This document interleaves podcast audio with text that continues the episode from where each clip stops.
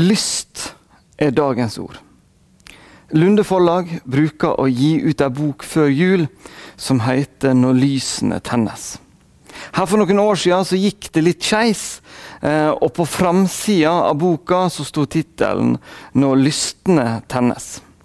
Dette her ble bl.a. førstesideoppslag på VG, noe som NLM ikke opplever så ofte. Men ordet er altså lyst i dag. Men da ikke på den tabloide måten.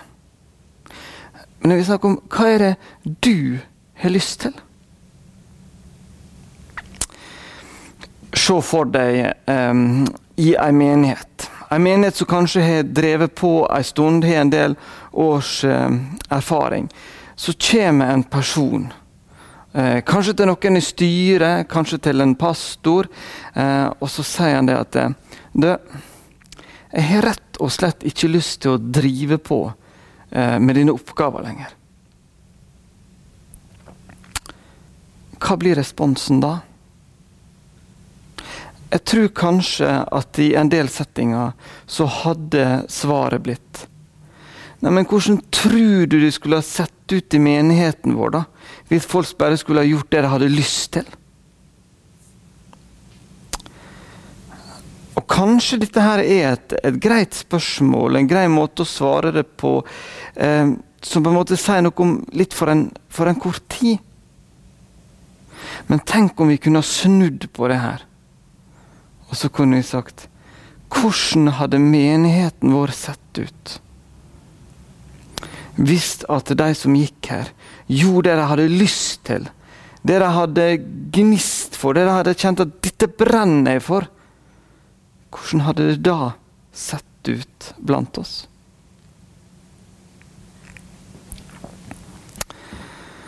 Jeg tror faktisk Magnus Malm har rett når han sier at det ligger mye energi begravd eh, i byrde i våre menigheter. Vi skal lese sammen en tekst fra Johannes 15, versene 15-17. Jeg kaller dere ikke lenger tjenere, for tjeneren vet ikke hva Herren hans gjør. Jeg kaller dere venner, for jeg har gjort kjent for dere alt jeg har hørt fra min far. Dere er ikke utvalgt av meg. Nei, dere har ikke utvalgt meg, men jeg har utvalgt dere og satt dere til å gå ut og bære frukt. En frukt som varer. Da skal Far gi dere alt dere ber om i mitt navn. Dette er mitt bud. Elsk hverandre. I disse versene fra Johannes 15 så sies det noe viktig om vårt forhold til Jesus. For hvordan er det for en tjener? Jo, en tjener han, han jobber ut ifra en arbeidsinstruks, noen plikter, noen oppgaver som han har fått tildelt. Eh, noe av det kan selvsagt være lystbetont, men, men, det er jo ikke noe sånn med valg. Det er ikke noe som nødvendigvis er gitt ut ifra hva som passer best. Det er rett og slett noe som en sjef har beordra, og det skal utføres.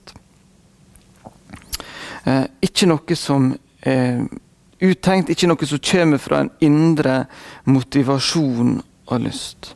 Men så står det her at Jesus han kaller ikke oss lenger eh, for tjenere, men for venner. Og Da kommer det inn et helt nytt perspektiv. For hvordan er det med oss i forhold til vennene våre? Når vi er, er greie og gode mot vennene våre, handler vi da ut ifra en instruks? Har vi da fått ei liksom liste? Sånn skal jeg oppføre meg ut uh, for mine venner. Nei. Når vi er gode med de rundt oss, med vennene våre, så gjør vi det av kjærlighet. Fordi at vi er glad i dem, fordi at vi elsker dem, vi ønsker det beste for dem. Når jeg tidligere så på, på Johannes 15, eh, og gjerne verset 17 18 så sier 'elsk hverandre'. Um, og dette forholdet med, med å være venn og ikke tjener, så jeg først og fremst tenkt eh, liksom til de vennene rundt meg her på jorda. Vertikalt. Men, men så har jeg på en måte skjønt at det Jesus sier her, handler på ingen måte bare om det vertikale. For han sier at Det er ikke bare at dere er venner, men han sier at vi er venner. Jesus og oss i venner. Altså, det handler om det om det vertikale perspektivet med mitt forhold til Jesus. Og det er der det starter. Det er mitt forhold til Jesus, det at han er min venn, som skal ha noe å si for de vertikale vennskapene mine også. Når Jesus hjelper meg til å bli kjent med meg sjøl, når jeg finner ut hvem jeg er i Han, eh, leser i Bibelen, snakker med Gud, og så lar jeg Jesus få lov til å komme inn i det her. Um, da vil jeg oppleve at vårt vennskap, mitt vennskap med Jesus, det gir meg den kraften, det gir meg den bærekraften jeg trenger for å takle livet sine utfordringer. Og det som skjer i dette forholdet, det at Guds nåde får lov til å jobbe i meg, det får lov til å gjøre noe, at det skjer noe med disse forholdene til de menneskene rundt meg. Når Jesus møter min, mine svakheter, da blir det frigjort energi. Det blir frigjort en lyst til å elske mine medmennesker. Jeg tror kanskje at av og til så har vi fremstilt det slik at eh, jo, jeg kjenner jo på mine tanker. Jeg kjenner på, på hva jeg har lyst til, hva jeg brenner for. Men, men, det er jo meg, og det er jo, er jo på en måte en, en del av arvesynden. en natur i meg. og det, på en måte Gud, det må være noe helt noe annet. Så, så, så på en måte det jeg har lyst til, og det Gud vil, det må være helt to forskjellige ting. Eh, noen ganger så er mine tanker og Guds tanker absolutt på kol på eh, kollisjonskurs. Men Bibelen sier noe. At det er ganske ofte at det er slik at det som er inni meg, det som jeg kjenner på, det som jeg har lyst til, det kan Gud spille på lag med. En eh, plass som da er, er, fint å se det her, det er i Salme 119. En lang salme. Eh, men gang på gang så gjentar David noe om det. Han sier 'Dine forskrifter er min lyst og glede'. Dine lovbud er min lyst og glede. Jeg har min lyst i din lov. La meg møte din miskunn så jeg kan leve for din lov er min lyst og glede. Slår du opp i din egen bibel, og kanskje du sitter med en 2011-utgave til Bibelselskapet, så vil du se at lyst er bytta ut med 'jeg fryder meg'. Eh, i, både i 78-utgaven og 88-utgaven så blir det brukt etter lyst, men om du fryder deg i, er mye det samme. Så her sier på en måte Bibelen oss at det er noe med at når vi på en måte får sett hva Guds bud vil oss, hva på en måte Jesus ønsker å gjøre i oss, når vi får oppleve denne nåden, så skjer det noe med lysten i oss. Et sitat fra Magnus Malm. Når mennesker våger å lytte til lysten, og åpner den for Gud i ærlig samtale, finner nåden en landingsstripe for uvante veier, for uvante videre reiser. Litt vanskeligere enn det. Vi tar den en gang til.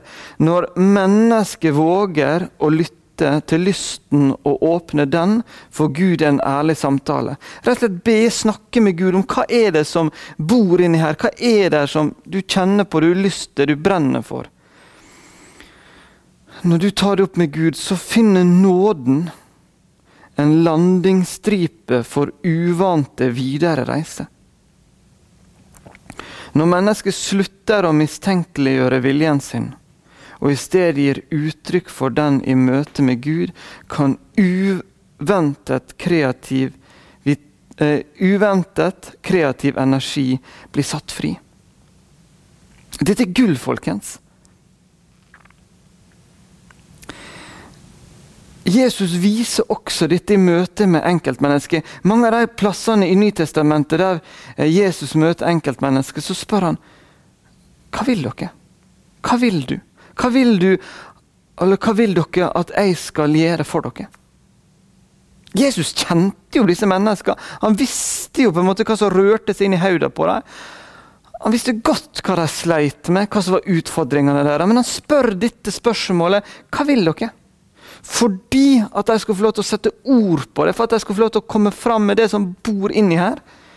Og så skulle hans nåde, hans kraft, få lov til å jobbe med dem, møte dem. For det, da kunne det skje noe der. For det er sånn med oss mennesker at i våre lengsler, i de lystene vi kjenner på, så er vi veldig til stede. Har du tenkt på det? Hvis du er ærlig med hva som bor inni her av trang lyst, det du virkelig vil, der, der, der snakker vi ofte sant til oss sjøl. Og da kjenner vi på at nå er Nå er jeg liksom litt på, på bunnen av meg. Nå er jeg i kjernen av meg. Hvis de tar det her, og så åpner det for Gud, snakker åpent og ærlig med Han om hva er det som er der for det, for det, det er ømme områder for oss. Det sårbare området. for dette her, det betyr mye for oss. Når vi slipper Gud til der og lar, lar Hans nåde få lov til å jobbe inn i det her, da er det det er noe spesielt som skjer der, fordi at vi får oppleve at i disse møtene Jeg vil kalle det noen hellige møter som skjer der i det vi legger dette fram for Gud så er vi også ekstra lydhøre for å høre hans stemme. Hva er det han nå ønsker å si til oss? Der får vi noen fine møter. Gud får møtt oss, og vi får møtt Gud.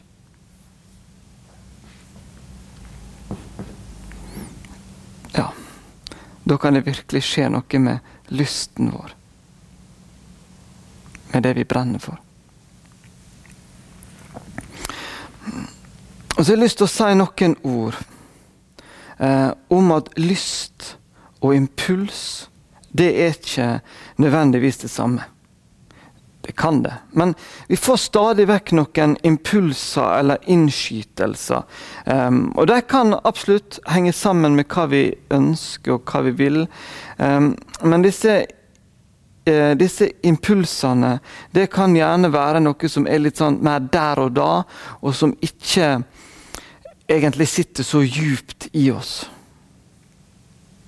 Eh, når jeg tenker at vi skal snakke om hva vi har lyst til, hva vi brenner for, eh, så snakker jeg om noe som, som ligger djupere i oss. Nå, hva er det vi virkelig vil? Hva er det vi vil over litt tid? For det er ikke slik at lysten trives best der det ikke er forpliktelse. Det er ikke noe sant. Um, lyst handler gjerne om den djupere viljen. Um, og der kan det følge med en god porsjon med forpliktelse, uten at det blir tvang.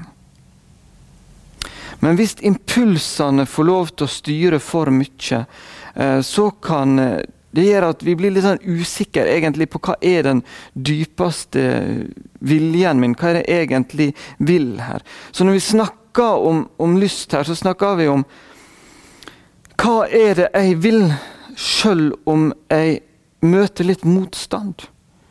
Um, hva er det som fortsatt ja, Hva er det som kommer opp i min tanke gang på gang over litt tid? Hva er det jeg drømmer om? Et enkelt eksempel. Denne bibelstafetten som vi har satt i gang. Vi sitter her i bønnerommet i misjonssalen og skal lese gjennom Bibelen. Dette var en tanke jeg fikk i høst. um, og tenkte at vi burde gjøre det da. Uh, og så nevnte jeg det for noen her og der. Og, og jeg møtte ikke noen sånn voldsomt stor begeistring. Men det, det, er noe som jeg ikke har fått fra meg. Det er noe som har kommet igjen gang på gang.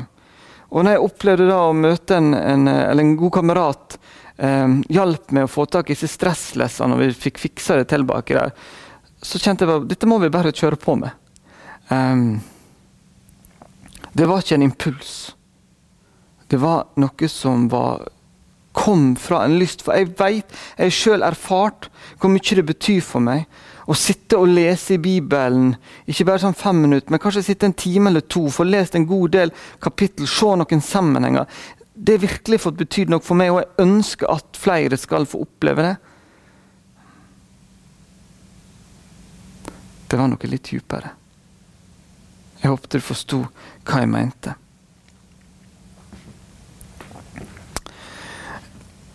I det tredje kapittelet i Galaterbrevet der møter vi en Paulus som er litt streng med menigheten. Um, menigheten der hadde opplevd flotte ting. Mange hadde blitt kristne. Flott vekst. Um, og så stiller Paulus det her et ganske så ransakende spørsmål. Han sier Fikk dere ånden ved lovgjerninger, eller ved høre og tro? Er dere så uforstandige? Dere begynte ved ånden. Vil dere nå fullføre med kjøttet? Så står det litt seinere. Han som gir dere ånden og gjør under blant dere, gjør han det ved lovgjerning, lovgjerninger, eller ved at dere hører og tror?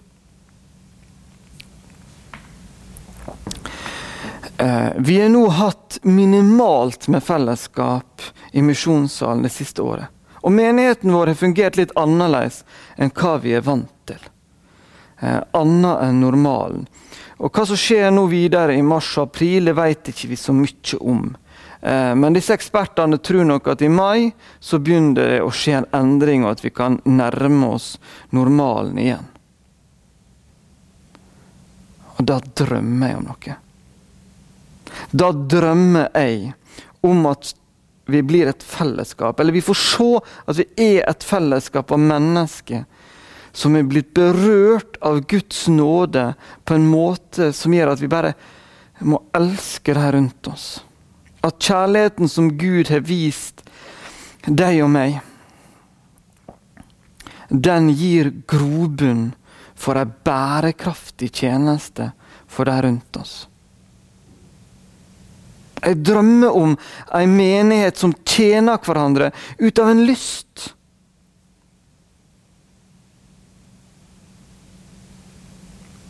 At vi får gjort det vi kjenner at dette her det er gave til. Dette her trives jeg med. Dette får jeg energi av. Fordi at det, vi, kan liksom, vi kan ta oss sammen, og vi kan bli engasjert. liksom Kanskje til og med jeg sier noen fine ord en gang når jeg taler, og så kjenner du ja, dette her ble jeg litt tent av. Det kan vare en stund. Men det som er mine ord, det som på en måte kommer at du tar det sammen, det er ikke bærekraftig. Men hvis det er Gud som kan få lov til å berøre oss, at vi kjenner at vi blir tilgitt, at vi kjenner at det, han får lov til oss å jobbe med oss på, på djupet når vi tar de ærlige samtalene med Han.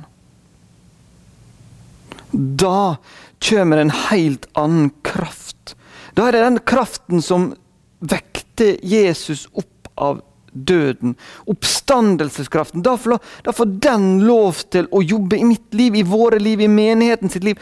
Da blir det en, blir det en himmel over det som skjer i misjonssalen. Og det drømmer jeg om.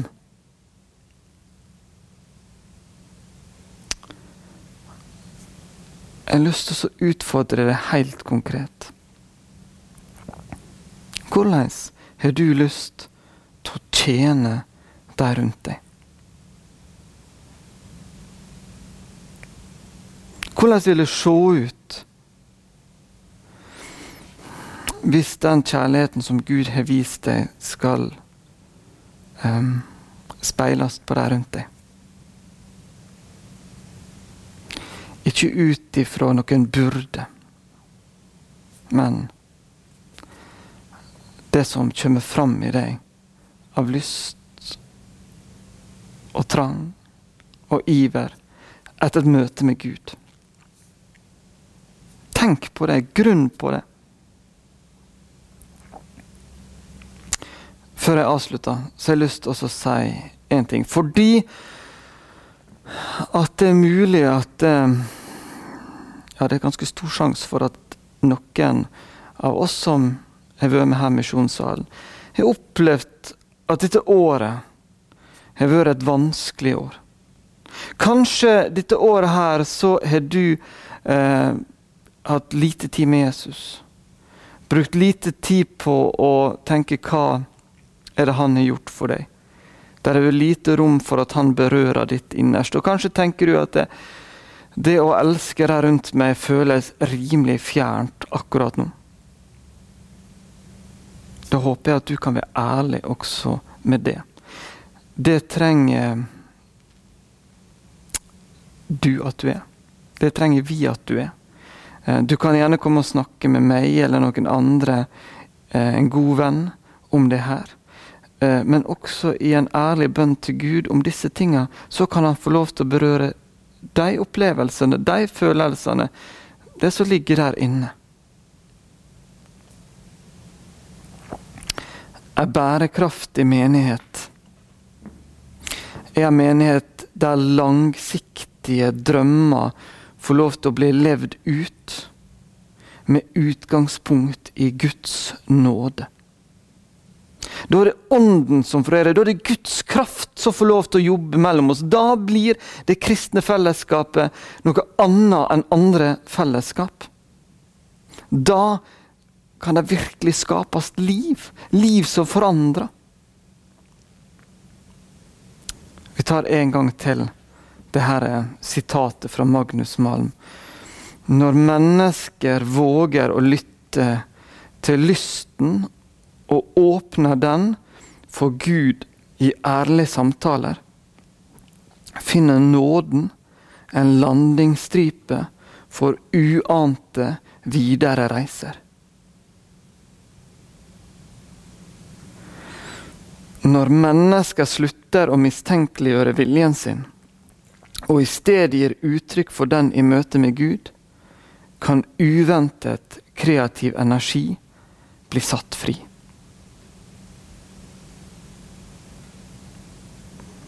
Jeg ser for meg telefonsamtaler, e-poster, SMS-er om hva du har lyst til. Så da var den kanskje ikke så dum allikevel, denne feilen på framsida av den boka, når lystene tennes. Amen.